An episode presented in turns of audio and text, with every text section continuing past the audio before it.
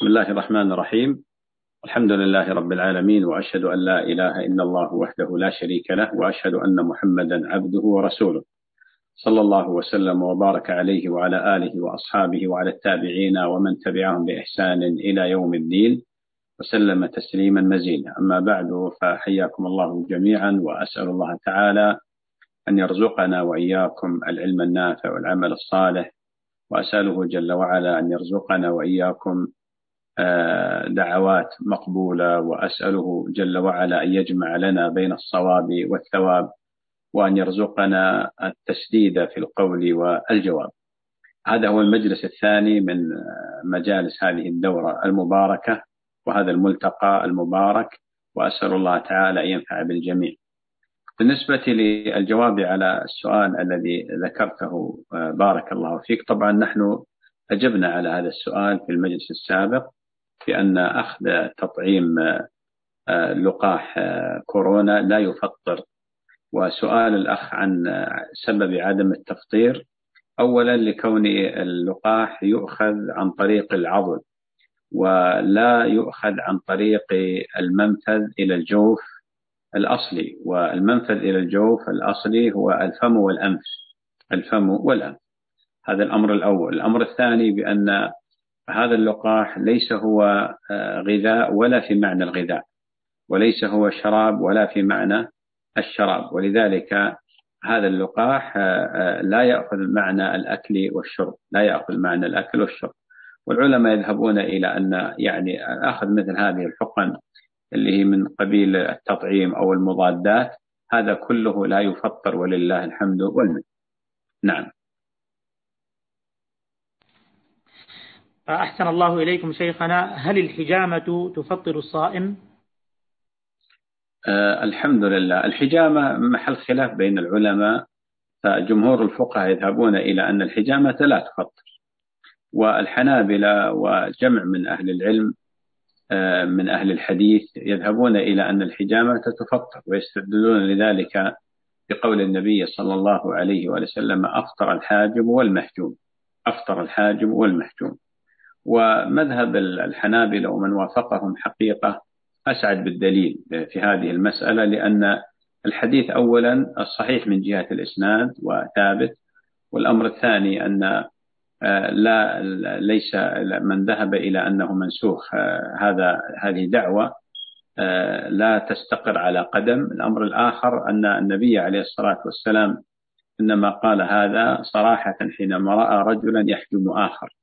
وقول من يذهب إلى أن إذا قلنا بفطر المحجوم فما ذنب الحاجم يقال بأن هذا من قبيل العقوبة من قبيل العقوبة للحاجم لكونه تسبب في إفطار هذا المحجوم تسبب في إفطاره وهذا يجري على قاعدة في الشريعة معروفة في مسائل الضمان.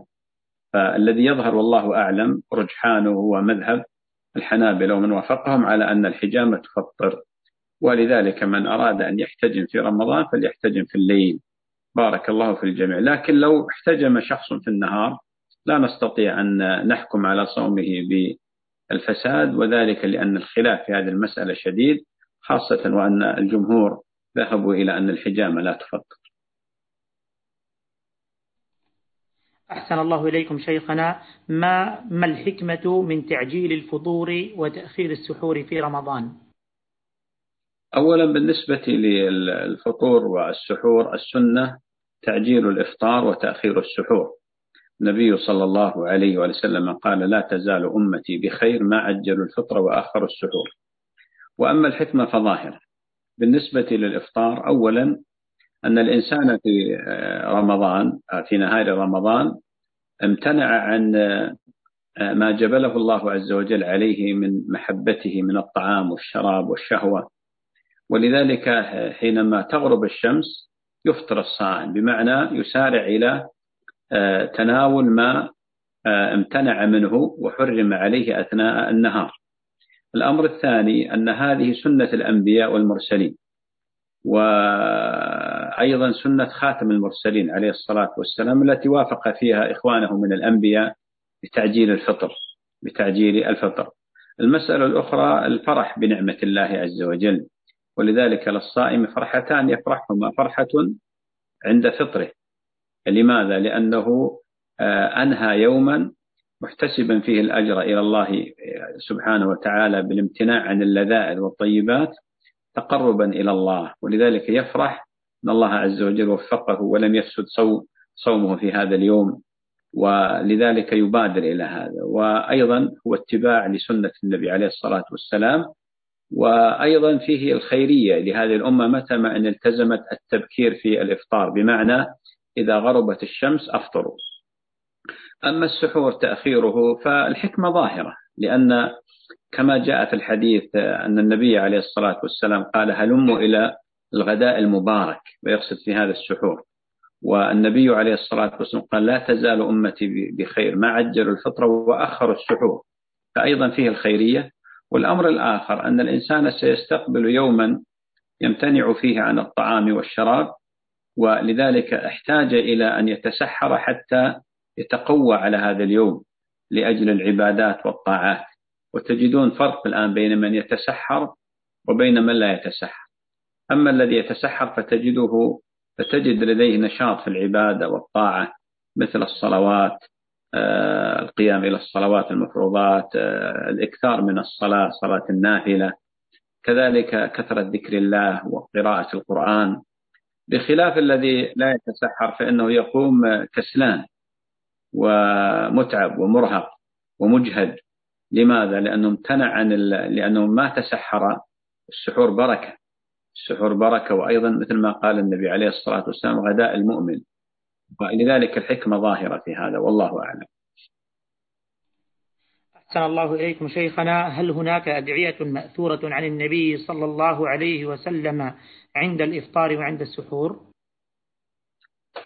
الحمد لله. طبعا المشروع في حق المسلم أن يكثر من الدعاء في آه، شهر رمضان المبارك وفي غيره وأن يخص شهر رمضان بمزيد من الأدعية العامة.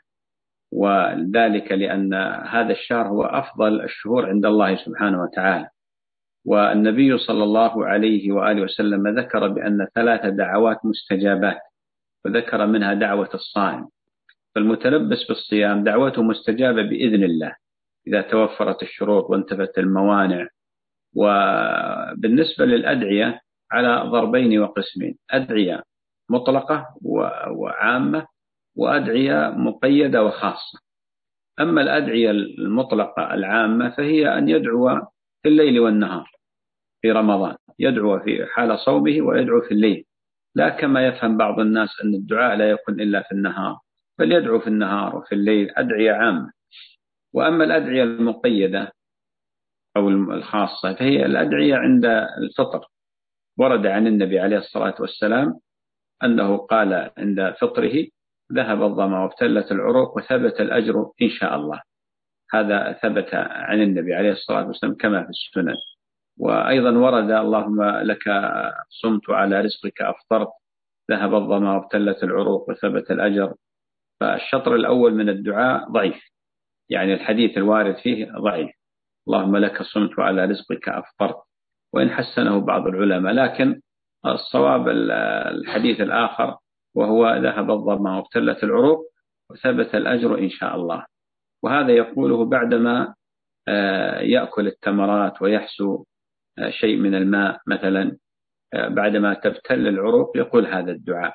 وعلى الإنسان أن يحتبل فرصة هذا الشهر بكثرة الدعاء. والله جل وعلا خزائنه ملأ خزائنه ملأ ولا يعجزه شيء سبحانه وتعالى. ولذلك من المهم جدا أن الإنسان يدعو. طبعا في عند السحور آه، في الغالب أن الناس يتسحرون في الثلث الأخير من الليل وهذا الوقت وقت تجاب فيه الدعوات. آه، فقد جاء عند مسلم من حديث أبي هريرة رضي الله عنه عن النبي صلى الله عليه وسلم أنه قال ينزل ربنا حين يبقى ثلث الليل الآخر إلى سماء الدنيا فيقول هل من داع فأستجيب له هل من سائل فأعطيه هل من مستغفر فأغفر له وذلك كل ليلة. هذا يعني له فضل عظيم. وما يذكر من بعض الأدعية المخصصة في السحور هذا ليس عليه دليل. آه، تنتشر في وسائل التواصل الاجتماعي أدعية يقال بأنها تقال في السحور. اللهم يعني آه، مثلا نويت أن أصوم غدا أو شيء ويسر صوم. هذا كله غير صحيح. هذا لا شك بأن نسبته إلى النبي عليه الصلاة والسلام خطأ. لأن ما صح عن النبي عليه الصلاة والسلام فيما أحفظ دعاء خاص بالسحور وإنما الوارد الدعاء اللي ذكرت قبل قليل عند الإفطار. ذهب الظما وابتلت العروق وثبت الأجر إن شاء الله. أحسن الله إليكم شيخنا. أيهما أفضل؟ أيهما أفضل؟ نفطر أولا ثم نصلي المغرب أم نصلي المغرب ثم نفطر؟ وبالنسبة للمؤذن هل يفطر أولا أم يؤذن؟ الحمد لله. النصوص الواردة في مسألة تعجيل الإفطار كلها تشير إلى أن الأفضل والأولى والأكمل آه، والأحسن هو الفطر أولا يفطر قبل أن يصلي. وثبت عن النبي صلى الله عليه وسلم أنه كان يفطر قبل أن يصلي وكان يفطر على آه، رطبات أو رطب آه، فإن لم يجد فعلى تمر فإن لم يجد حسى حسوات من ماء. ولذلك السنة تعجيل الفطر بمجرد غروب الشمس وتحقق غروب الشمس يفطر الصائم يأكل قبل أن يصلي. هذه سنة النبي عليه الصلاة والسلام. وبالنسبة للمؤذن لما كان المؤذن آه، آه، منفعته متعدية إلى الناس بإعلان غروب الشمس وبإعلان دخول وقت صلاة المغرب فالأفضل في حق المؤذن أن يؤذن قبل الإفطار. هذا الأفضل. في حق المؤذن أن يؤذن. لماذا؟ لأن أذانه فيه منفعة متعدية إلى مجموع الناس حينما يسمعون الأذان. ولو أنه أكل تمرة قبل أن يؤذن حينما يعني بعدما يتحقق من غروب آه، الشمس له ذلك لا بأس بذلك. لكن الأكمل في حقه أن يؤذن أولا ثم يفطر ثانيا. أما جماهير المسلمين أما مجموع الناس فالسنة في حقهم أن يفطروا أولا. ثم يصلوا ثانيا. ومن ذهب إلى الصلاة إلى المسجد من دون إفطار فهذا فيه غلو. هذا فيه غلو ومخالفة لهدي النبي عليه الصلاة والسلام بل وعلامة سوء. لماذا؟ لأن النبي عليه الصلاة والسلام ربط تعجل ربط تعجيل الفطر بسنة كونية قدرية وهي الخيرية. قال لا تزال أمتي بخير. لاحظوا هذه سنة كونية قدرية. أن الخيرية تبقى متى ما إن التزم الناس هدي النبي عليه الصلاة والسلام. لذلك بعض الناس يعتقد بأن والله إذا ذهب إلى المسجد وبكر هناك وبعدين إذا رجع يفطر أنه أفضل هذا غلط هذا غير صحيح. هذا مخالف لهدي النبي عليه الصلاة والسلام. هذا تنطع في دين الله وغلو تشدد ما أنزل الله به من سلطان. وإذا أبيت خذ تمرة معك في الطريق وكلها واشرب الماء وأنت ذاهب إلى المسجد. أما أنك تؤخر تقول لا بعد ما أرجع حتى بعض الناس وللأسف لديه غلو وتطرف في هذا الأمر آه، يعني يحرم أهله حتى من الأكل سواء بأمر منه أو بلسان الحال. يعني أهله وأولاده يريدون أن يشاركهم الإفطار ويذهب وربما أمسكوا عن الإفطار بسببه وهذا من التنطع في دين الله نعم بارك الله فيكم شيخنا ما أفضل شيء يتسحر عليه الصائم ويفطر عليه الصائم؟ الحمد لله. طبعا بالنسبة للإفطار ورد فيه عن النبي عليه الصلاة والسلام أحاديث قولية وفعلية. فالصائم يفطر على رطب فإن لم يجد رطب رطب يفطر على تمر فإن لم يجد حسى حسوات من ماء. هذه هي سنة النبي عليه الصلاة والسلام. ولذلك الصائم يفطر على التمر يفطر على الماء. والأطباء يقولون بأن هذا نافع جدا للبدن سبحان الله. وذلك أن الجسم في هذه الفترة يحتاج إلى يكون هناك نقص في الجلوكوز في الدم ويحتاج إلى شيء من السكريات. وليس هناك أنفع للجسم من التمر. كذلك المعدة تكون يابسة وجافة فلا ليس أنفع لها من الماء. يعني لا أنفع شيء لها من مثل الماء يلين المعدة حتى تكون مستعدة للأكل.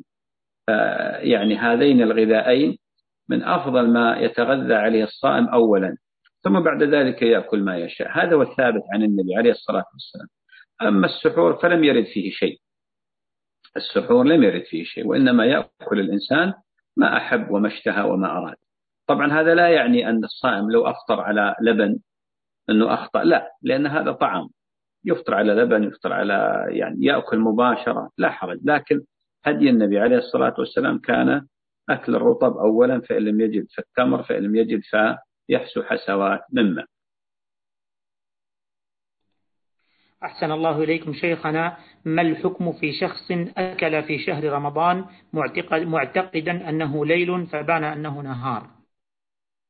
الحمد لله. بالنسبة لمن أكل معتقدا غروب الشمس ثم بان بأن الشمس لم تغرب. هذه مسألة خلافية بين العلماء. من أهل العلم من ذهب إلى أن أن أن الأصل بقاء ما كان على ما كان.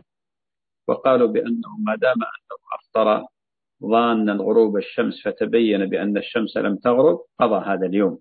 لأن الأصل بقاء النهار.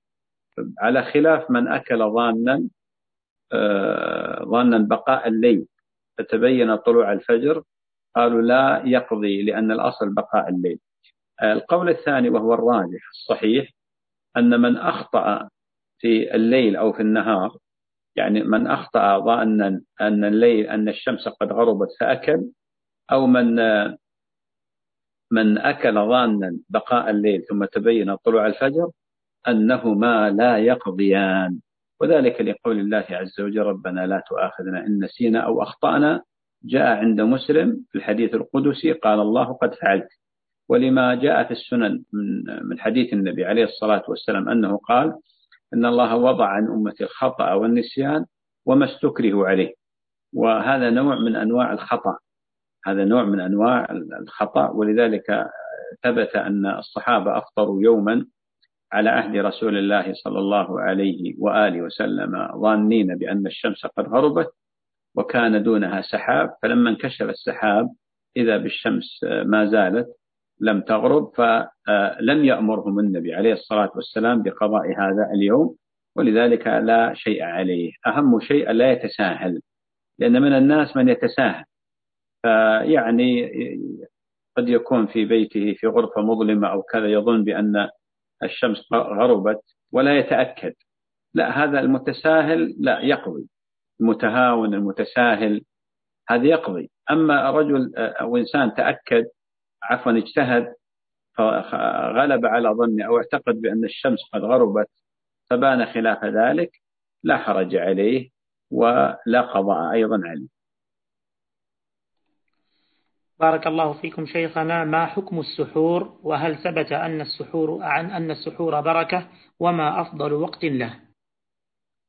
الحمد لله السحور يعني السحور والسحور السحور هو الوقت والسحور هو الفعل مأخوذ من السحر والسحر هو آخر الليل الثلث الأخير من الليل. آه، يعني آه، سمي السحور لأن يؤكل في وقت السحر الطعام الذي يؤكل في وقت السحر. بالنسبة لحكم السحور سنة في قول جماهير أهل العلم وهذا هو القول الراجح أنه سنة وليس بفريضة.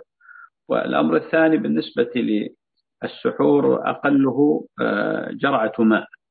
يعني على بمعنى أن الإنسان لا يترك السحور ولو على جرعة ماء. والأصل أن الإنسان يأكل لأنه سيستقبل يوم كما ذكرت قبل قليل يوم شاق. فيه أعمال وعبادات وطاعات وفيه دنيا أيضا قد يكون يعمل موظف أو شيء. فيحتاج أن أن أن يعني تكون لديه طاقة تكون لديه طاقة وهو آه، يعني ال ال وهو السحور. وأما كونه بركة نعم. فقد صح عن النبي عليه الصلاة والسلام أنه قال تسحروا فإن في السحور بركة. السحور بركة.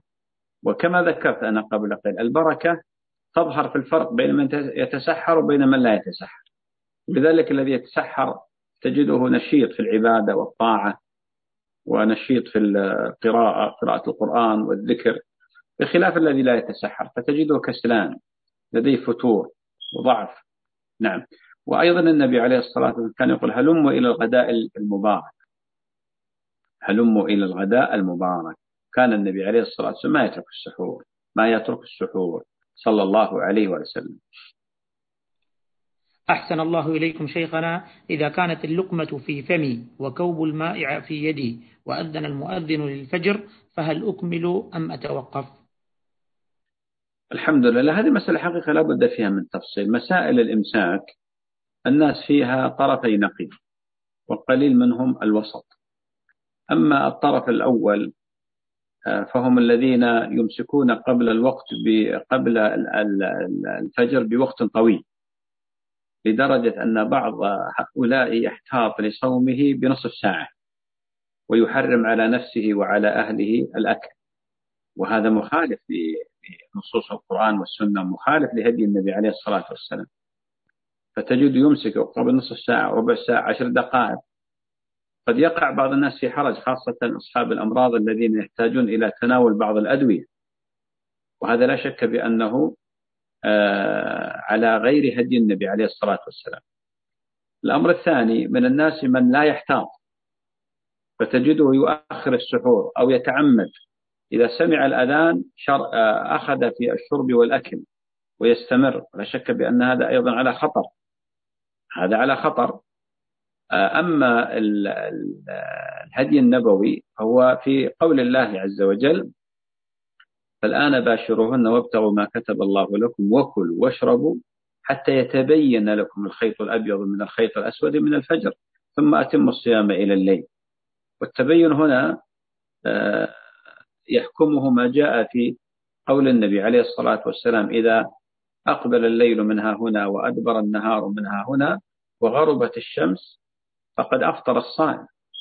قد أفطر الصائم أدبر الليل منها هنا. خلاص بدأ وقت الفجر. النبي عليه الصلاة والسلام صح عنه أنه قال إذا أذن بلال فكل واشرب وإذا أذن ابن أم مكتوم فأمسكوا.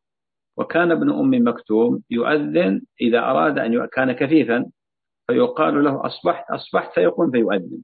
يعني عندما يتبين وقت الصبح ووقت الصبح يتبين بطلوع الفجر الصادق طلوع الفجر الصادق ولذلك ينبغي على الناس أن يبتعدوا عن هذه المخالفات مثل الإمساك يعني بوقت طويل حتى إن الحافظ بن حجر لما بحث هذه المسألة شدد في فيها وخطأ من ذهب إلى إلزام الناس بالإمساك بمثل هذا الوقت الطويل. آه، وكذلك هناك من يبالغ حيث أنه يأكل حتى ولو أذن المؤذن. لكن السؤال اللي طرحته بارك الله فيك هو أن إنسان يأكل أن يتسحر وقد رفع الإناء إلى فمه رفع الإناء. سمع المؤذن يكمل لأن هذا ورد فيه آه، نص عن النبي عليه الصلاة والسلام. أن النبي عليه الصلاة والسلام قال إذا سمع أحدكم المؤذن وفي يده الإناء يعني أخبر كما ورد عنه صلى الله عليه وسلم يكمل شربه. أو رجل الآن يلوك لقمة في فمه فسمع الأذان لا يلفظها وإنما يبتلعها. لكن شخص الآن أذن المؤذن والإناء ليس في يده وإنما على الأرض نقول لا ما يجوز. كيف الآن تأكل؟ أتشرب؟ وقد سمعت المؤذن. أو رجل اللقمة على على آه، طاولة الطعام وعلى الأرض مثلا في الإناء. سمع المؤذن يذهب فيأكل نقول لا. لأن هذا النص يبين بأن رجل نوى يعني قضية الأكل والشرب هي قبل أن يؤذن. يعني رغب النبي صلى الله عليه وسلم في في أن يكمل الأكل والشرب. هذا ليس على سبيل الوجوب ليس على سبيل الوجوب. ولذلك ينبغي للناس أن يلتزموا التوسط والاعتدال وليس هناك توسط واعتدال مثل من مثل هدي النبي عليه الصلاة والسلام. فهدي النبي هو الوسطية هو الاعتدال. نعم.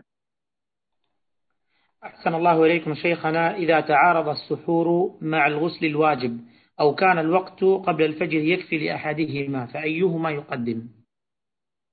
الحمد لله يقدم السحور يقدم الأكل. لماذا؟ لأنه ليس من شروط صحة الصوم الطهارة. يعني لو أن رجلا كان جنوبا رجل كان جنوب أو امرأة أيضا كانت جنوبا آه ثم أذن المؤذن الفجر يلزمه أن ينوي من من قبل الفجر قبل من الليل ينوي الصيام بقلبه ويتسحر لأنه ليس من شروط صحة الصوم الطهارة للكبرى ولا الصوم.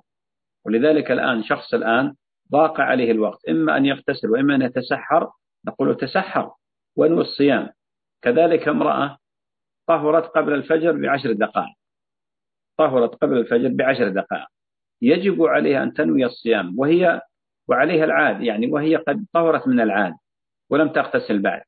طهرت من العادة ولم تغتسل من آه، ولم تغتسل بعد تنوي ثم تتسحر بالذي بالقدر الذي تستطيع مثلا ثم تغتسل حتى ولو كان بعد الأذان أو بعد صلاة الجماعة بعد ما يصلي الناس في المساجد. النبي عليه الصلاة والسلام صح من حديث عائشة أنه كان يطلع عليه الفجر وهو جنوب فيكمل صومه عليه الصلاة والسلام. والمعنى أنه كان يؤذن المؤذن وهو جنب عليه الصلاة والسلام ثم يغتسل بعد ذلك. صلى الله عليه وسلم.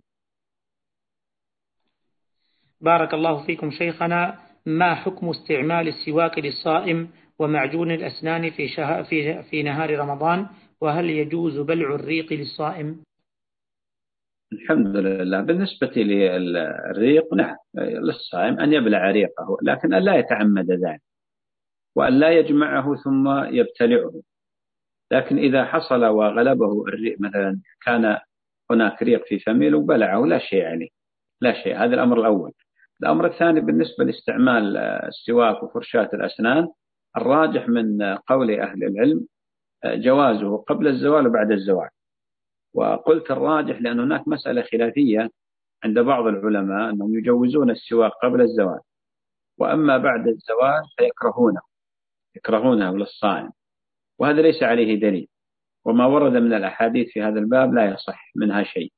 لا يصح منها شيء. ولذلك الصائم قبل الزوال وبعد الزوال يجوز له أن يستعمل السواك وفرشاة الأسنان. وبالنسبة لفرشاة الأسنان يحتاط لأن المعجون له جرم وأيضا قد يكون له بعض المعجون له نكهة قوية فيلفظه.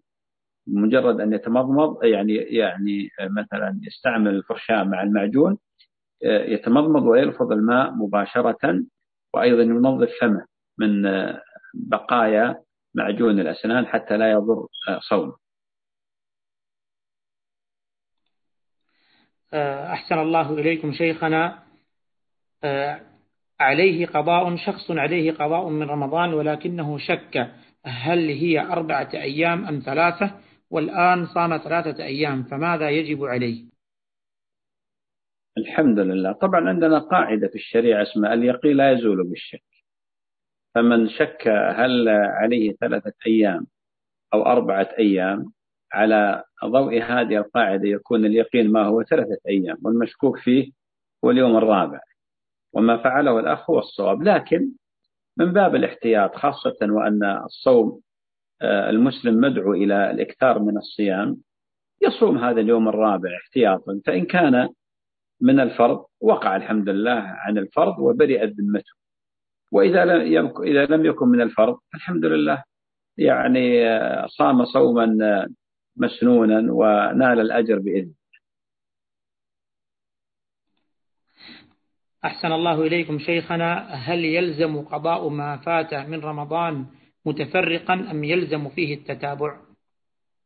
بالنسبة لهذه المسألة مسألة القضاء هل يلزم فيها التتابع أم يجوز تفريق الأيام؟ خلافية. والراجح من أقوال أهل العلم وهو قول الجماهير على أنه لا يلزم آه، تتابع القضاء تتابع القضاء. لكن قالوا الأفضل أن يكون متتابعا الأفضل أن يكون متتابعا لكن لو أراد أن يصوم القضاء مفرقا جاز له ذلك. أحسن الله إليكم شيخنا. صمت شهر رمضان في العام الماضي وأفطرت يوما واحدا وأتاني رمضان آخر, رمضان آخر وأنا لم أقضي اليوم علما بأنه ليس هناك ما يمنعني من قضائه فماذا علي في ذلك؟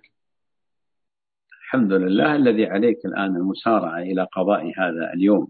قبل أن يدخل عليك رمضان آه، القريب هذا وما دمت أنك قلت في سؤالك بأنك تعمدت ذلك ولم يكن عذر يمنعك من القضاء فمع القضاء قضاء هذا اليوم تطعم مسكينا وذلك لفتوى أصحاب النبي صلى الله عليه وسلم على أن من ترك القضاء حتى دخل عليه رمضان الآخر فإنه يطعم مع القضاء عن كل يوم مسكين. أحسن الله إليكم شيخنا مات شخص وعليه صيام واجب فما حكم ذلك؟ أه، صح عن النبي صلى الله عليه وآله وسلم أنه قال من مات وعليه صيام صام عنه ولي. واختلف العلماء في هذا الصيام فذهب فريق من أهل العلم إلى أن المقصود بهذا صوم النذر خصوه بالنذر. والقول الثاني قالوا لا الصوم الواجب وهذا هو الراجح. أن كل من مات وعليه صوم واجب يقضي عنه وليه. الصوم الواجب ما هو؟ قضاء رمضان صوم النذر والكفارات. والكفارات هذه كلها صوم واجب. لكن هنا فيه تفصيل. من مات وعليه صيام لا بد من آه، تفصيل هذه المسألة. أولا إذا آه، مرض العبد آه، في رمضان مثلا صام بعض أيام رمضان أو لم يصم رمضان كاملا. واتصل هذا المرض بالموت. اتصل هذا المرض بالموت. يعني ما أمهل حتى يقضي مثلا فإنه لا شيء عليه ولا على أوليائه. أفترض رجل الآن صام الأسبوع الأول من رمضان ثم مرض بقية رمضان ومات في آخر شوال وكان مريضا ما استطاع أن يصوم أن يقضي. لا شيء عليه ولا على أوليائه. الأمر الثاني أو الصورة الثانية رجل أفطر في رمضان بسبب المرض ثم بعد ذلك آه، برئ وشفي وحصل وقتا للقضاء ولم يقضي. ثم مات بمرض آخر أو بأي سبب آخر ليس بهذا المرض الذي جاءه في رمضان. فإن على الخلاف الذي حكيته قبل قليل بالنسبة للقول الأول آه، لا صيام على أوليائه وعلى القول الثاني الذي هو هو الراجح يصومون عنه صم عنه أولياؤه يصومون عنه. قول النبي عليه الصلاة والسلام من مات وعليه الصيام صام عنه وليه. ذكرت لكم بأن الراجح هو الصوم الواجب. وكيفية الصيام؟ الأفضل أن يتولى أحد الورثة الصيام عنه كاملا. كم عليه شهر؟ 15 يوم 20 يوم 10 أيام أسبوع يومين ثلاثة يتولى واحد. فإن لم يستطع آه، يذهب بعض العلماء إلى جواز آه، يعني آه، توزيع الصيام على أكثر من شخص. لكن يشكل عليهم في مسألة الكفارة إذا كانت صيام شهرين متتابعين لأن شرط لأن التتابع شرط في صحة الكفارة. التتابع شرط في صحة الكفارة فقالوا يتولى واحد. فإن لم يستطع تولاه اثنان بشرط. بشرط أن أن يكون هناك تتابع في صيامهما بمعنى أنه يقول له أنا غدا سيكون آخر يوم وأن تكمل ما, ما, ما بعد ذلك. تكمل حتى يصدق على هذا الصيام أن يكون على سبيل التتابع. بارك الله فيكم شيخنا ما حكم صلاة التراويح وكم عدد ركعاتها وما نصيحتكم لأدائها في ظل جائحة كورونا؟ الحمد لله. صلاة التراويح سنة مؤكدة. ثبت أن النبي عليه الصلاة والسلام صلاها ليالي ثم دخل لما اجتمع الناس وازدحم المسجد وصلوا خارج المسجد فخشي أن تفرض على الأمة. النبي عليه الصلاة والسلام كان إذا عمل عملا أثبته. داوم عليه واظب عليه. فدخل النبي عليه الصلاة والسلام بيته وكان يصلي التراويح في بيته عليه الصلاة والسلام. بالنسبة لصلاة التراويح أعدلها 11 ركعة. وذلك لما صح عن عائشة رضي الله عنها أنها قالت أن النبي عليه الصلاة والسلام ما كان يزيد على إحدى عشرة ركعة في رمضان وفي غير رمضان. لكن لو صلى الناس يعني أقل من ذلك أو أكثر لا حرج في ذلك. وهذا قول جماهير أهل العلم.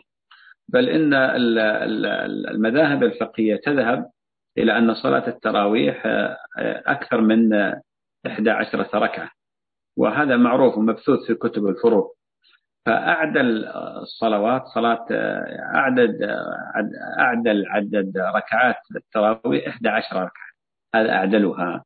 وهذا هو الذي كان عليه النبي عليه الصلاة والسلام. لكن لا يجوز لأحد أن ينكر على من يزيد. يصلي 20 أو 21 أو 36 لماذا؟ لأن هذا عليه عمل السلف. وهو قول الأئمة المشهورين لا سيما أرباب المذاهب الأربعة الذين أجمع الناس على إمامتهم وأنهم من أصحاب الاجتهاد المطلق رضي الله عنهم ورحمهم الله تعالى. طبعا تتمة السؤال الذي يحتاج إلى جواب ما العمل في صلاة التراويح في زمن كورونا؟ ما يختلف. صحيح سيكون الوقت قصير لكن طيب أن يصلي الناس مع الإمام. وذلك لما ورد عن النبي عليه الصلاة والسلام أنه قال من صلى مع الإمام حتى ينصرف كتب له قيام ليلة. يكتب الله عز وجل له قيام ليلة كاملة. فيصلون مع الإمام. إذا والله الإنسان يقول أنا أرى بأن الأصلح لقلبي أن أصلي في البيت طيب ما في لنا سنة الحمد لله. بل بعض العلماء يستحب صلاة التراويح في البيت. يرى بأن أفضل في البيت لأن النبي عليه الصلاة والسلام صلاها في البيت صلى الله عليه وآله وسلم. نعم. أحسن الله إليكم شيخنا. العشرة, العشرة العشر الأواخر من شهر رمضان لها مزية عظيمة. حبذا لو تحدثتم عن ذلك وكيف يكون شد المئزر الوارد في الحديث وما المقصود به؟ الحمد لله. نعم بالنسبة للعشر الأخير من رمضان أفضل من العشرين الأول. والله جل وعلا يخلق ما يشاء ويختار له الحكم سبحانه وتعالى وإليه يرجع الناس. ولذلك الله جل وعلا جعل العشر الأخير أفضل من العشرين الأول. حتى من فاته شيء من الاجتهاد في العشرين الأول ألا يفوت الاجتهاد في العشر الأخير. من طبيعة النفس البشرية الفتور والكسل. وخص الله عز وجل العشر الأخير من رمضان خصها الله عز وجل بليلة القدر التي هي خير من ألف شهر.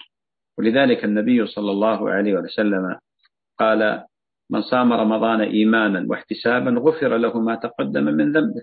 ومن قام رمضان إيمانا واحتسابا غفر له ما تقدم من ذنبه. ومن قام ليلة القدر إيمانا واحتسابا غفر له ما تقدم من ذنبه. ولذلك في العشر الأخير من رمضان تتغير حال النبي عليه الصلاة والسلام فيجتهد أكثر مما كان يجتهد فيه في العشر في العشرين الأول من رمضان. فهدي النبي عليه الصلاة والسلام في العشر الأخير من رمضان أولا أنه كان يعتكف صلى الله عليه وآله وسلم. ولذلك الاعتكاف في العشر الأخير من رمضان سنة سنة ثابتة عن النبي عليه الصلاة والسلام. فمن لم يستطع أن يعتكف العشر فلا أقل على أن يعتكف ولو بعض أيام العشر. الأمر الثاني آه، أن النبي عليه الصلاة والسلام كان يتحرى ليلة القدر ويهتم لها صلى الله عليه وسلم. كان يقول التمسوها في العشر الأخير من رمضان. كان وردت أحاديث آه، من أوجه متعددة تشير إلى أن في الأوتار من العشر الأخير من رمضان.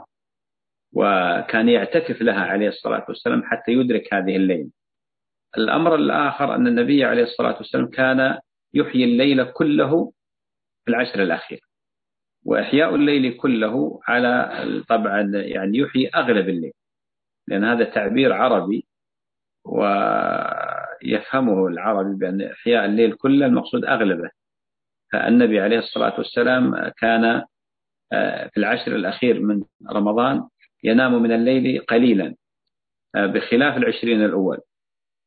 ولذلك كان كما تقول عائشة إذا دخل العشر شد مئزره وأيقظ أهله وأحيا ليله. شد مئزره أهل العلم لهم تفسيران لهذه الكلمة. قيل كناية عن ترك الجماع وقيل كناية عن النشاط والاجتهاد في قيام الليل. كان يطيل صلى الله عليه وسلم في قيام الليل. وأيضا يوقظ أهله فكان ينبههم على الصلاة وما كان يسمح لهم مثل ما كان يسمح في العشرين الأول من تركهم أحيانا فيحثهم على الاجتهاد وكان يحيي الليل صلى الله عليه وسلم. ولذلك العشر الأخير من رمضان هي زبدة الشهر خلاصة الشهر. ولذلك هذه العشر خصها النبي عليه الصلاة والسلام بمثل هذه العبادات والطاعات والقربات. بارك الله فيكم شيخنا. هل وردت أحاديث عن النبي أحاديث عن النبي صلى الله عليه وسلم تحث على الاعتكاف في رمضان؟ وهل هناك شروط معينة للمعتكف؟ وما هي الأشياء التي تفسده؟ وهل يجوز الاعتكاف في البيت؟ وأظن ذكرتم أجزاء من هذا في السؤال السابق. نعم صحيح. عموما بالنسبة للاعتكاف لا يكون إلا في المسجد لقول الله تعالى وأنتم عاكفون في المساجد. أما الاعتكاف في البيت فلا يسمى اعتكاف وإنما يسمى لبث لبث آه، والاعتكاف لا يكون إلا في المساجد وأنتم عاكفون في المساجد. الثاني آه، ثبت عن النبي عليه الصلاة والسلام أنه كان يعتكف العشر الأخير من رمضان حتى توفاه الله عز وجل. ولذلك العلماء قالوا الاعتكاف سنة. الاعتكاف سنة. والاعتكاف يبطله أولا الجماع. قول الله تعالى ولا تباشرهن وأنتم عاكفون في المساجد. والثاني الخروج آه، لغير حاجة أو بغير اشتراط. لغير حاجة كان يخرج هكذا للتنزه والفسحة أو آه، لم آه، خرج ولم يشترط مثلا لأمر من الأمور. فالمعتكف هو الذي يلبث في المسجد كما يعرف الفقهاء يقول هو لزوم مسجد لطاعة الله عز وجل تقربا إلى الله والمعتكف هو الذي ينقطع عن الدنيا والشواغل والمشوشات والمشغلات. ولذلك الاعتكاف في قطع العلائق والعوائق التي تحول بين العبد وبين الله عز وجل. لذلك من المهم جدا أن يفهم الناس معنى الاعتكاف. معنى الاعتكاف ليس معناه آه، اجتماع الناس للحديث والقيل والقال أو المناكفات. لا الاعتكاف أنك تنقطع. أنت الآن تركت أهلك. تروح تجتمع مع أصحابك في المسجد وتدخل معهم في قيل وقال هذا غير صحيح. هذا غير صحيح. ولذلك الاعتكاف الانقطاع آه، في المسجد تقربا إلى الله سبحانه وتعالى. أحسن الله إليكم شيخنا متى تكون ليلة القدر وما نصيحتكم حفظكم الله؟ طبعا ليلة القدر اختلف العلماء في في فيها إلى أقوال عديدة والراجح أنها في العشر الأخير من رمضان. وأيضا اختلف العلماء هل هي ثابتة في ليلة من ليالي العشر أما أن أنها تتنقل. الراجح أيضا أنها تتنقل فقد تكون ليلة 21 أو 23 أو 25 أو 27 أو 29 هذا الراجح اللي حكاه جمع من أهل العلم من ذوي التحقيق والاستقراء للنصوص قالوا بأنها تتنقل في ليالي العشر. نصيحتي أن الإنسان ينبغي أن يكون فطنا كيسا آه، يعني مجتهدا حريصا على إدراك ليلة القدر.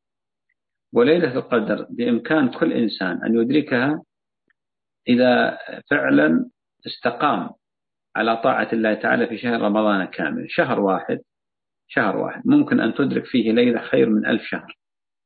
خير من ألف شهر.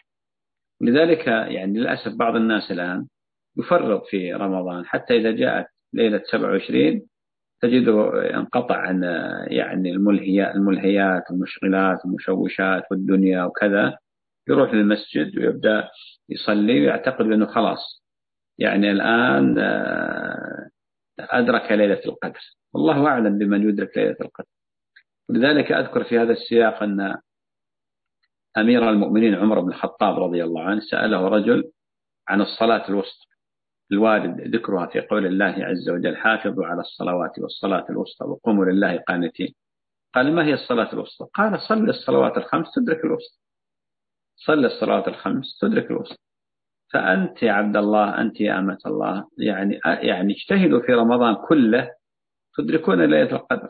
أو على أقل تقدر اجتهدوا في العشر الأخير من رمضان تدركون ليلة القدر. فالإنسان يحتاج إلى أن يجاهد نفسه. قال تعالى والذين جاهدوا فينا لنهدينهم سبلنا.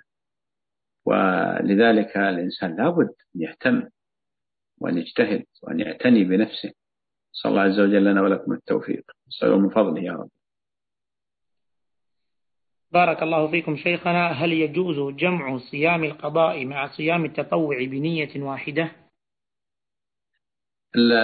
بالنسبة لي إذا كان قصد السائل صيام القضاء مع النفل الذي هو ستة من شوال هذه مسألة خلافية.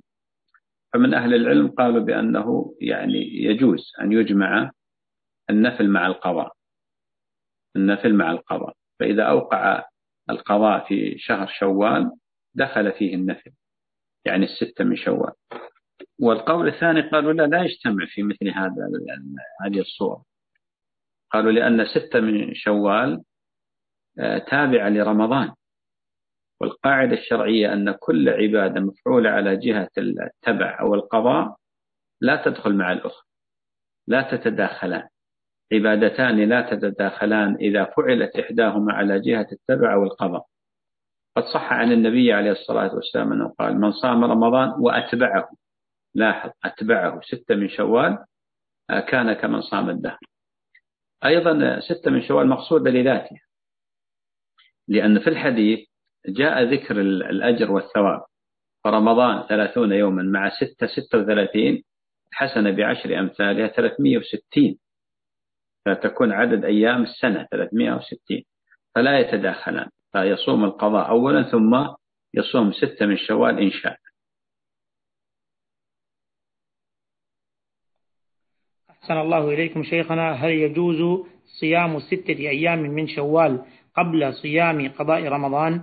وإذا لم وإذا لم يجز هل هل وإذا لم يجز هذا هل يجوز صيام الاثنين صيام الاثنين من شهر شوال بنية قضاء رمضان وبنية صيام شوال بنية أجر يوم الاثنين. جزاكم الله خيرا. وإياك. أولا بالنسبة لهذه المسألة يعني هل يقدم القضاء أي يقدم ستة من شوال على القضاء أم لا؟ مسألة خلافية. اللي يظهر لي وهذا الذي يقتضيه النص والنظر أيضا أنه لا يقدم. لماذا؟ لأن النبي عليه الصلاة والسلام قال من صام رمضان وأتبعه ستة من شوال. فالذي عليه قضاء من رمضان ثم يصوم ستة من شوال آه، لا ينال الأجر الموعود على لسان النبي عليه الصلاة والسلام لماذا؟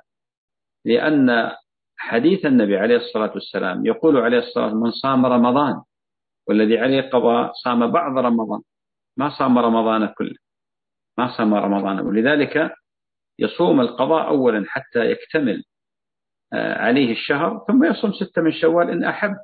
لأن الصيام ستة من شوال سنة. صيام ستة من شوال سنة. ومن يحتج بقول عائشة رضي الله عنها أنها كانت تقول كان يكون علي القضاء فلا أقضي علي الصيام فلا أقضي إلا في شعبان. هي عللت ذلك بقولها لمكان رسول الله صلى الله عليه وسلم. بمعنى أن قد تكون عائشة لم تصم ستة من شوال. على حياة النبي عليه الصلاة والسلام. لأن حق النبي عليه الصلاة والسلام واجب مقدم على صوم النفل مقدم على صوم النفل. فصيام ستة من شوال سنة. ولذلك من أراد يعني كمال الأجر والثواب هو أن يقضي ثم يصوم ستة من شوال. قضية أنه يقضي في أيام الاثنين والخميس استحبها بعض العلماء على أنه لا بأس أن يوقع القضاء في زمان شريف.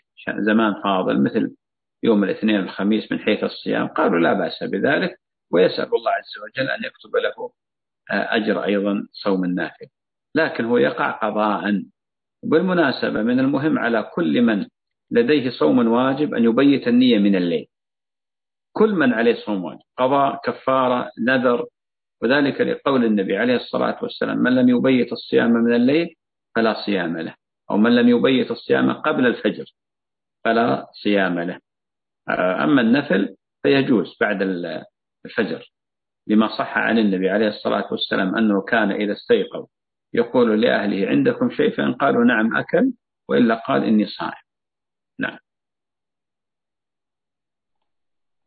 أحسن الله إليكم شيخنا.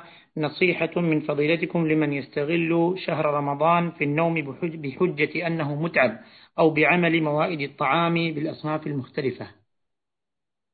الحمد لله. طبعا بالنسبة لشهر الصوم هو شهر الجد والنشاط والعبادة والطاعة والقربة. لذلك هذا الشهر هو شهر يمثل واسطة عقد الشهور. شهر رمضان كنز الخيرات ينبوع البركات معدن الحسنات. هذا الشهر يمثل فرصة العمر للإنسان التي قد لا تعوض. ومثل ما ذكرنا في اللقاء السابق وناس نعرفهم وتعرفونهم من جيران وأقارب وأصدقاء وأرحام ويعني وجيران وقد يكون ناس مشهورين نعرفهم ولا يعرفون. كانوا معنا في العام الماضي السنة هذه ما صاموا معنا. لماذا؟ ذهبت أرواحهم النفيسة فلتة. لذلك الإنسان ينبغي له أن يكون عاقلا وأن يحتبل فرصة هذا الشهر الذي هو منحة من الله هبة من الله. أن مد في العمر حتى وفقك لهذا الشهر. أيام أيام معدودات كما قال تعالى. أيام معدودات. ستذهب سريعا. ولذلك العاقل هو الذي يعني يقدم الباقي على الفاني. هو الذي يفهم بأن هذا الشهر قد يستطيع الإنسان بتوفيق الله وبرحمة الله أن يخرج منه آه، كيوم ولدته أم. شوف لحظة الأحاديث الواردة في فضل هذا الشهر وخصائص هذا الشهر ومزايا هذا الشهر. كلها تشير إلى هذا المعنى. ممكن للإنسان أن يخرج من شهر رمضان مثل الطفل البريء ما عليه خطيئة ولا ذنب. هذا متى؟ هذا هل يكون لهؤلاء الذين يعرضون الوسائد؟ هل يكون لهؤلاء الذين آه، يقضون النهار بالنوم والليل بالسهر؟ غير معقول غير ممكن غير ممكن. هؤلاء يعني مجرد آه، في الغالب أن صومهم عادة لأن الناس في الصيام على نوعين. نوع وقفوا على قمة الحقيقة وعرفوا معنى الصيام وعرفوا لماذا ربنا جل شرع الصيام ولذلك اجتهدوا في العبادة والطاعة. وقسم من الناس لا مع الخير يشد مع الناس ما يدري. إن صاموا صام وإن صلوا صلى. وإن قرأوا القرآن قال نقرأ مثل الناس. لا ما يصلح هذا. لابد الإنسان أنه يوطن نفسه ولابد أن تكون شخصيته ظاهرة في هذا الصوم. وأن يكون قدوة للآخرين. أما قضية الإكثار من الطعام طبعا الأصل الإنسان يأكل ما يشاء ويشرب ما يشاء لكن من غير إسراف ولا مخيلة. قال جل وعلا وكلوا واشربوا ولا تسرفوا إنه لا يحب المسرفين. فالأكل والشرب من الطيبات مما أباح الله. قل من حرم زينة الله التي أخرج لعباده والطيبات من الرزق؟ لكن أن يكون بإسراف أو بتبذير هذا أمر مخيف جدا. هذا ينذر بسيل قد انعقد غمام نسأل الله العافية والسلام. لأن النعم هذه إن لم نقيدها بالشكر تذهب وتزول. والشكر على ثلاثة له ثلاثة أركان. شكر القلب وهو اعترافه بأن النعم من الله. قال تعالى وما بكم من نعمة فمن الله. شكر اللسان كثرة اللهج بحمد الله وشكره وبحمد الله وشكره. اعملوا آل داود شكرا قليل من عبادي الشكر. شكر الجوارح والأركان. أن نستعمل هذه النعم في طاعة لأن الله سائلنا عنه سائلنا عن هذه النعم آه لتسألن عن النعيم. سنسأل عن هذا النعيم. سبحان الله النعم هذه هبة من الله. يعطيها الله عز وجل من يشاء. نحن الآن نشاهد حينما نسرح الطرف وننظر في ما ينقل. في بعض الناس ما يجد العظام ولا كسرة الطعام ما يجدون بيوت. بعض آه، نواحي في في هذه الكرة الأرضية بيوتهم من القش. بعضهم لا يجد ما يستر سوءته. والناس يرفلون في النعم. سبحان الله العظيم. طبيعة النفس البشرية النسيان والطغيان. كلا إن الإنسان لا يطغى أن رآه استغنى. ولذلك من المهم جدا أن ينتبه الناس ولا يعتقدوا بأن ما نحن فيه إنما هو علامة على رضا الله عنا. انتبهوا النعم زوالة والنعم قيدها شكر الله عز وجل. نعم تقيد بشكر الله وقلما نعما قشعت فعادت. لا تقولوا والله ها يمكن نستغفر بعده لا. من الآن احرصوا واحذروا. الإسراف والتبذير هذا شيء مخيف جدا. يعني بعض الناس الآن لا يبالي. إذا كان الله أعطاك هذا لا يدل على أنه رضي عنك. ما تدري. ما تدري. قد يكون هذا استدراج. احرصوا على المحافظة على النعم. وإذا كان زاد عند الإنسان شيء لا يجعل نهاية القمامة والمزابل يرتبه يوزعه ويعطيه الجمعيات ويعطيه الجهات اللي تعتني بتوزيع هذا الطعام على الفقراء والمساكين. هذا من شكر الله عز وجل. أسأل الله تعالى أن نكون وإياكم من الشكارين الذكارين. اللهم آمين. جزاكم الله خيرا شيخنا. أحسن الله إليكم. ما حكم زكاة الفطر؟ وما هو وقتها؟ وهل يجوز تعجيلها؟ ولمن تعطى؟ طبعا الحمد لله. زكاة الفطر سميت زكاة الفطر بسبب الفطر لأن سببها الفطر سببها العيد. وزكاة الفطر حكمها أنها واجبة. لأن النبي عليه الصلاة والسلام فرضها على المسلمين كما في حديث ابن عمر على الحر والعبد والذكر والأنثى والصغير والكبير.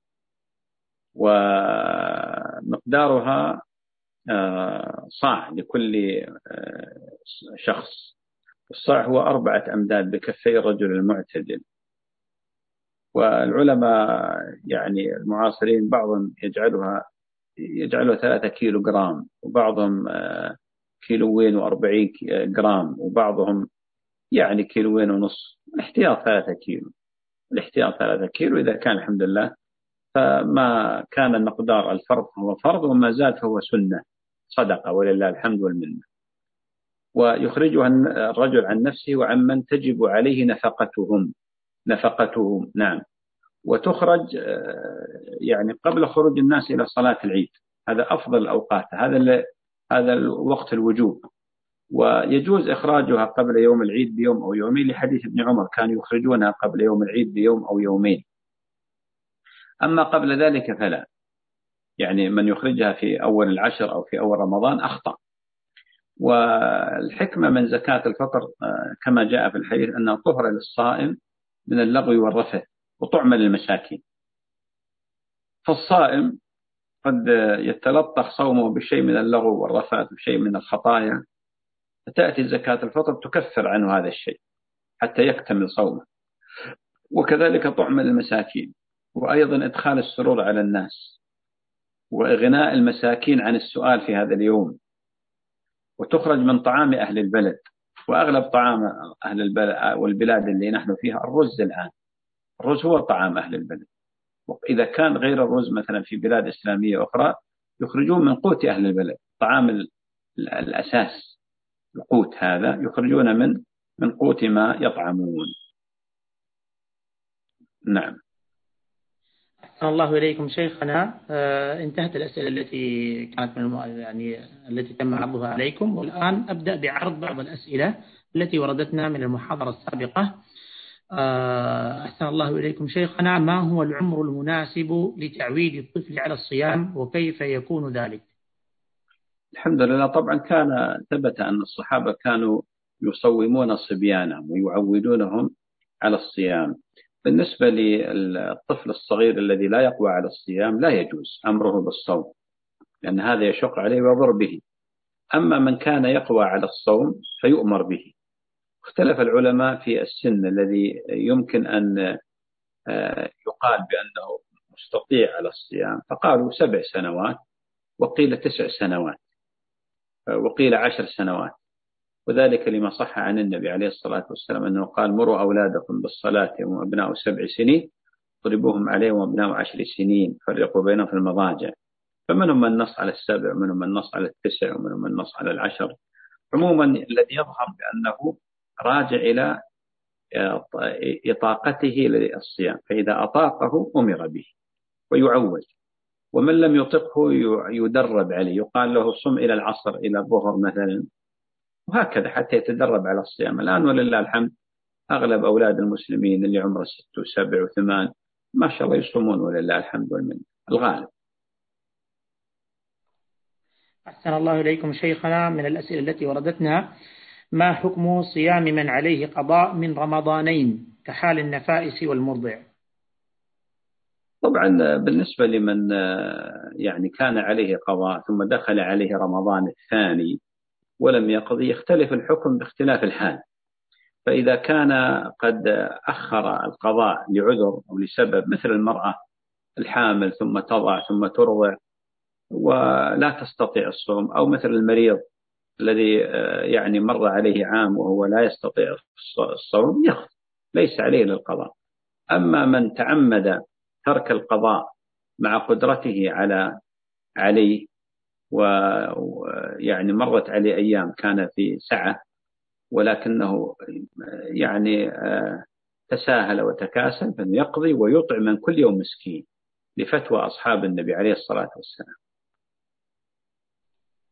بارك الله فيكم شيخنا ما الأساسيات التي يجب على كل مسلم ومسلمة معرفتها والعمل بها في شهر رمضان حتى يخرج من رمضان مغفورا له بإذن الله تعالى؟ الحمد لله. طبعا اللي يعني رمضان من العبادات المعلومة من دين الإسلام بالضرورة. ولذلك شهرة الصيام قد تكون أكثر عند يعني عامة المسلمين من كثير من العبادات حتى أن بعض الناس قد لا يكون يصلي لكن يصوم. موجود هذا يعني ما يصلي لكن ممكن يصوم. فشهرة الصيام عظيمة سبحان الله العظيم والناس يعرفون شهر رمضان ويعرفون لماذا؟ لأن آه، عبادة رمضان عبادة شعيرة ظاهرة. الشهر والإعلان وتولي يعني الجهات الرسمية الإعلان وشيء من هذا القبيل.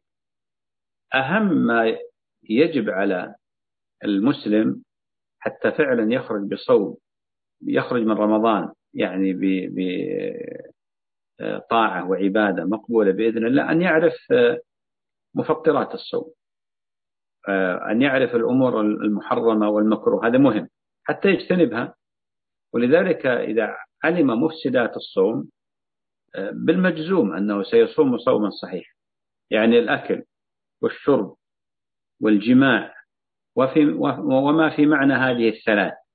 الأكل والشرب وما في معنى الأكل والشرب. الجماع وما في معنى مثل الشهوة الاستمناء إذا تجنب هذه الأصول الثلاثة سلم له صوم من حيث الصحة. من حيث أيضا الاكتمال اجتناب الأشياء التي هي مكروهة. قد لا تفسد الصوم لكنها تنقص الأجر والثواب. يعني مثل إطلاق البصر وإطلاق السمع إطلاق اللسان. النبي عليه الصلاة والسلام قال يعني إذا كان صوم يوم أحدكم فلا يرفث ولا يفسق. ثم قال عليه الصلاة والسلام فإن سابه أحد أو قال فليقل إني صائم. بمعنى أن الصائم يجب عليه أن يحافظ على صومه محافظة تدفعه إلى أن يقول لمن أراد أن يجهل عليه أو أن يدخل في عراك معه أن يقول سامحني أنا صائم. بمعنى أنا في وضع وفي حالة ما تسمح لي أني أرد عليك. ما تسمح لي أني أدخل معك في جدال. ما تسمح لي أني أجهل معك. يعني لأن الصائم متلبس بعبادة عظيمة. عبادة عظيمة. ولذلك كان السلف إذا دخل شهر رمضان اعتزلوا. اعتزلوا قالوا نحفظ صيامنا عما يجرحه حتى بعض العلماء كان يوقف دروس العلم في رمضان. يوقفون دروس العلم. يقول هذا شهر القرآن. يكثرون يعني يكثرون من الاعتكاف ويكثرون من قراءة القرآن وذكر الله. ويعتزلون الناس. حتى بعضهم يعتزل من في البيت. اللي في بيته يعتزلهم. إلا في أداء الحق الواجب. لذلك من المهم جدا أن يفهم الناس أن شهر رمضان شهر استثنائي. شهر رمضان فرصة العمر. شهر رمضان هبة ومنحة من الله لكل مسلم. إذا أراد فعلا أن يطهر نفسه ويغسل ذنوبه وخطاياه طوال العام ويخرج نقية السريرة طاهر السيرة نقية ذيل طاهر الثوب يخرج يستشرف سنة جديدة بطاعة الله عز وجل وقد ذهبت الأوضار والذنوب والآثام. هذا ما يحصل بالنوم ما يحصل بإطلاق البصر ما يحصل بإطلاق اللسان ما يحصل بهذا النوع من الغضب الذي يمارسه بعض الناس يقول لك والله أنا صائم يسب ويشتم ويجدع وبعضهم والعياذ بالله يدخل على أهله يسب ليش ما سويتوا كذا وليش ما عملتوا كذا. أو بعضهم للأسف يعني بدل ما يرتقي إلى مستوى هذه العبادة هو موظف يروح والله يسب المراجعين أو يتكلم على الناس أو كذا. هذا غلط. ولذلك هذا الفهم الصحيح للصيام هو الذي يجعل الإنسان فعلا يخرج يعني بحياة جديدة إن صح التعبير. أحسن الله إليكم شيخنا. آه، من من الأسئلة التي وردتنا من المشاركين آه، اللقاء الماضي. هل يلزم دفع الفدية في نفس بلد الإقامة أم لا بأس بإرسالها إلى الخارج؟ وهل بالإمكان أن تدفع الفدية مرة واحدة؟ الحمد لله. الأصل في الفداء والكفارات أنها تدفع في آه، بلد المكلف. هذا الأصل. إلا ما يتعلق ببعض محظورات الإحرام بعض وليس كل كما جاء النص عنها تراق في في مكة. فبالنسبة للفدية في مسألة الصيام في نفس البلد لأن عندنا قاعدة في مسائل الكفارات والفدية والزكوات والصدقات أنها في البلد. ولذلك كما في حديث ابن عباس حينما بعث النبي عليه الصلاة والسلام معاذ إلى اليمن قال قال فإنهم أجابوا فأخبرهم أن الله افترض عليهم صدقة تؤخذ من أغنياء فترد في فقرائهم. هذه القاعدة العامة.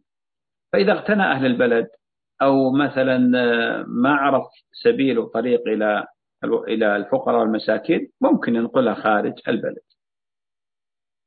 الآن الحمد لله الجمعيات تتولى هذا. يعني الجمعيات لها دور كبير حقيقة في إيصال الزكوات والصدقات والكفارات أيضا. هذه نعمة من نعم الله يسرت على الناس يعني ما كان عسيرا عليه. بارك الله فيكم شيخنا. أجد دما في فمي مختلطا باللعاب كلما أستيقظ, كلما أستيقظ من نومي وأحيانا أثناء اليوم ولا أعلم مصدره. هل يؤثر على صومي؟ الحمد لله. لا, لا, لا يؤثر على الصوم لكن بمجرد أن تشعر به تلفظه ولا تبتلعه. إن, إن, إن بلعته بعد تأكدك من وجوده في الفم أفطرت. قضيت هذا اليوم.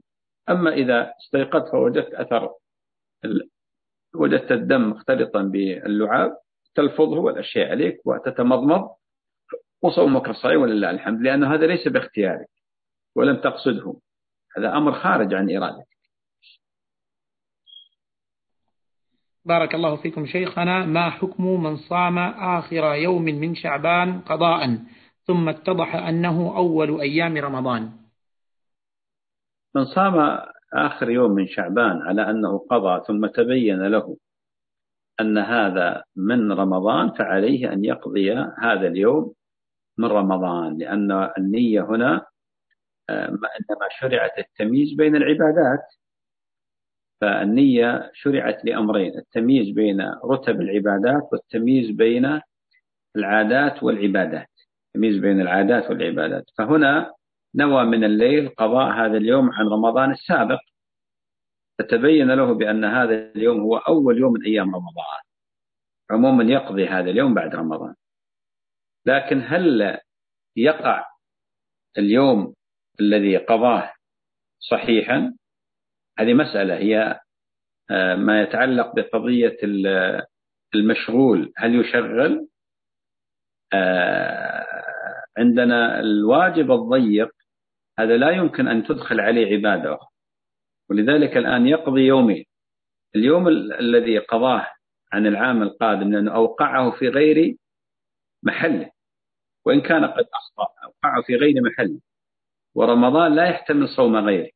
رمضان شهر رمضان لا يحتمل صوم أي نوع من أنواع الصيام. لا النذر ولا الكفارة ولا القضاء. إنما يجب أن يصام رمضان كامل. فهنا الآن نقول له تقضي هذا اليوم عن رمضان القادم وتقضي اليوم الأول لأنك لم تنوي. نعم. أحسن الله إليكم شيخنا. آه ما أدري تسمحون بناخذ بعض التهية أم؟ ها؟ طيب. الأخ عبد العزيز بن راشد. عبد العزيز بن راشد ممكن تفتح الميكروفون وتسأل الشيخ؟ وأيضا عندي من أراد أن يسأل الشيخ فليرفع إشارة رفع اليد ممكن يسأل الشيخ. أيضا عندنا الأخ محمد محمد وسيم. السلام عليكم ورحمة الله وبركاته. عليكم السلام ورحمة الله وبركاته. الله يسعدك يا شيخ والحضور جميعا. مرحبا. الله يطول عمرك. يا شيخ ما حكم قصد إمام معين للصلاة معه؟ إذا كان حافظ القرآن وصوته جميل ومجود التلاوة. ولكنه في المدينة غير المدينة التي أسكن فيها يعني أحتاج إلى سفر. فما أدري يعني السفر إذا كان في غير مكة والمدينة يجوز إني أروح للإمام. اللي هذا؟ بالنسبة لهذا الإمام إذا كان في نفس المدينة يعني في حي في المدينة لكنه بعيد لا حرج. أن أن يشد يعني أن يذهب إليه ما دام أنه في المدينة.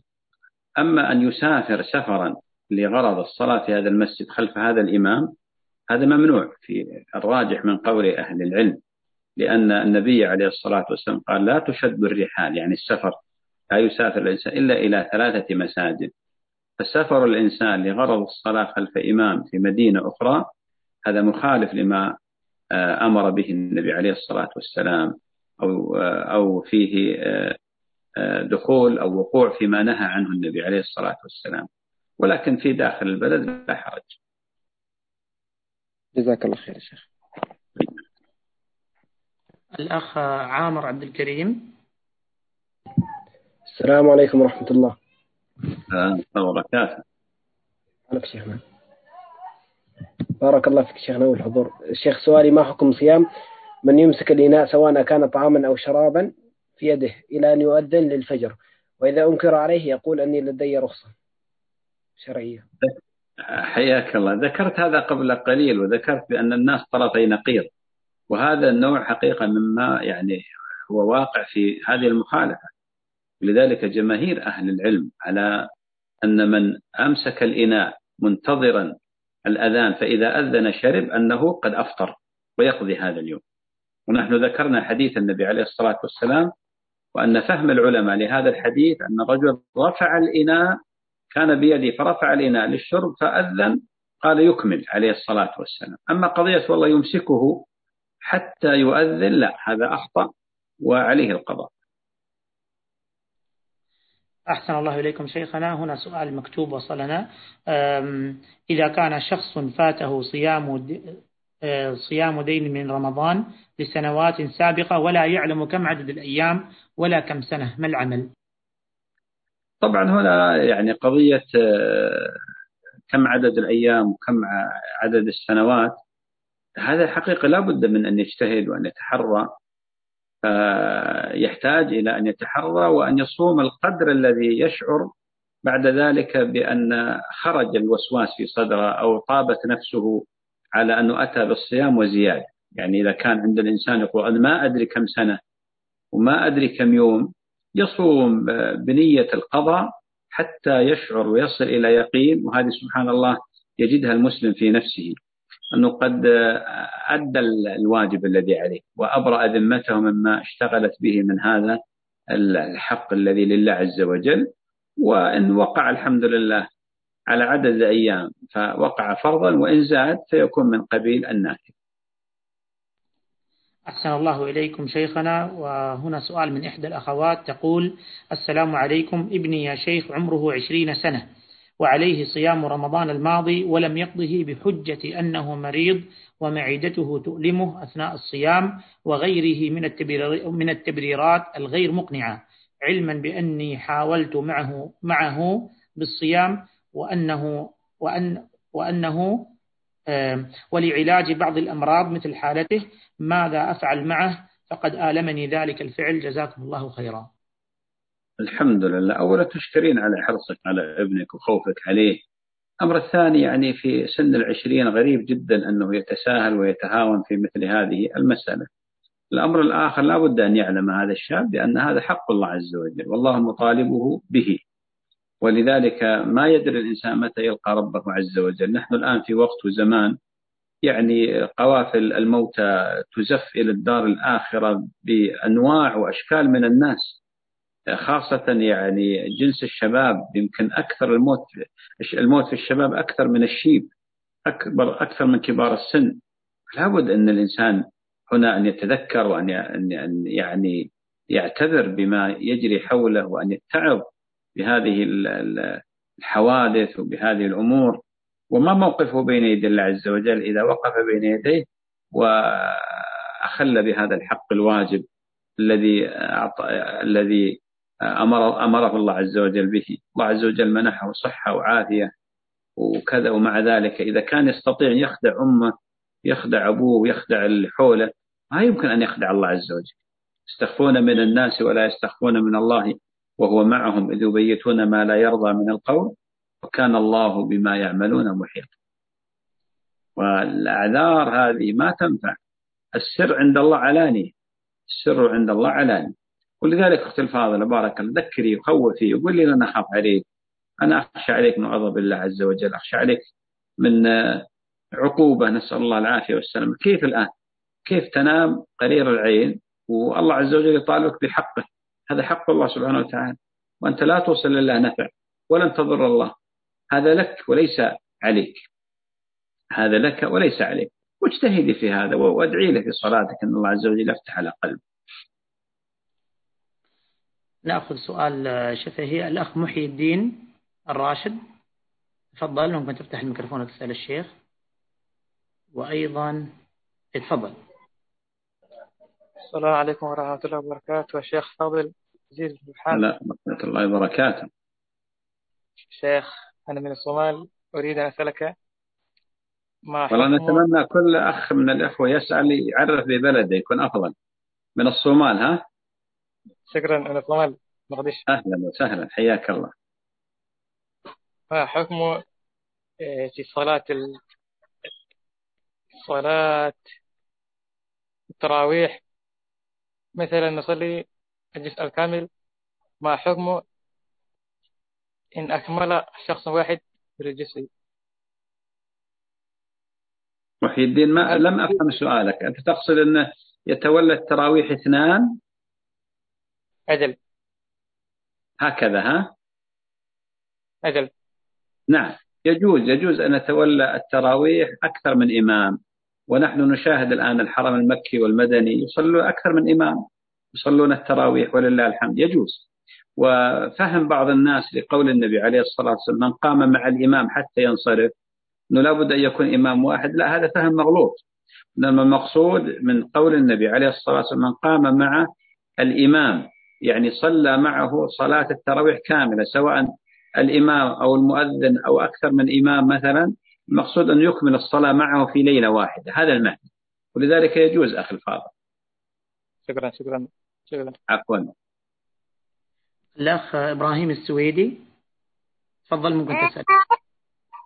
السلام عليك شيخ. السلام ورحمة الله. شيخ كيف حالك؟ خير؟ مرحبا ومسهلا. آه، شيخ عندي الوالد طريح الفراش. سلام. زين بخصوص رمضان كيف نطلع عنا؟ بداية رمضان ولا نهاية رمضان. ولا كل يوم. نطلع يا إبراهيم. إبراهيم. نعم شيخ. الوالد عقله معه؟ اي نعم. مرات يكون معاه مرات. بس أغلب شيء يعني يعرفنا وش كذا. ولكن ما يقدر الصوم ها؟ لا الصيام لا ما يقدر. خلاص تطعمون عنا عن كل يوم مسكين. إطعام مسكين يومي. ولو تعطون الجمعية. هي هي تطعم عنكم يكون طيب بعد أريح لكم وأسهل وعندها عندهم الحمد لله يعني أسماء الفقراء والمحتاجين والمساكين. إن شاء الله جزاك الله خير مشكور. الله يحفظك. آه، شيخنا آه، من الأسئلة التي وردتنا أيضا مكتوبة هل الأفضل في رمضان عدد الختمات أو زيادة عدد الختمات أم التدبر لا هو عندنا قاعدة أنه في, الأز... في الأزمان الشريفة والأماكن الشريفة الأفضل الإكثار من القراءة. هذا هو الذي نص عليه العلماء ويحملون فعل السلف على ذلك مثل قراءة عثمان رضي الله عنه القرآن كاملا في ليلة قراءة تميم تميم بن أوس الداري آه، قراءة أبي بن كعب آه، جمع من الصحابة كانوا يسرعون في قراءة القرآن ويكثرون من الختمات. وكذلك ما يروى عن الشافعي وعن آه، غيره من الأئمة والعلماء. كانوا يكثرون من الختمات. فالأزمان الشريفة مثل رمضان مثل عشر ذي الحجة الأماكن كمكة والمدينة يكثر فيها من القراءة. أحسن الله إليكم شيخنا. عندنا يؤذن للفجر مبكرا. هل آخذ بالساعة أم بالأذان؟ لا هو الحمد لله. الأصل أنك يعني تمسك عند طلوع الفجر. فإذا كان المؤذن يؤذن قبل الفجر بعشر دقائق تأكل وتشرب حتى تتأكد من أن الفجر قد ظهر. وأنا ما أعرف حقيقة. أنا اللي جرت العادة أن المؤذنين يحتاطون قبل الأذان بدقيقتين ثلاثة مثلا احتياط للناس. لكن بوقت طويل ما ما ما أعرف أحد. لكن عموما آه، العبرة بتبين الفجر. فإذا كان عندك تقويم أو عندك حساب معين والمؤذن يقول لك أنا أقدم لك أن تأكل حتى تتبين طلوع الفجر. أحسن الله إليكم أحسن الله إليكم شيخنا. شيخنا طبعا الأسئلة كثيرة فما أعرف كم آه. نطرح طيب. لا بعد كذلك؟ يكفيكم سؤال. طيب. آه، إذا نأخذ الشفهي من الأخ عبد الله عبد الله جاكيكي أخ عبد الله؟ تفضل.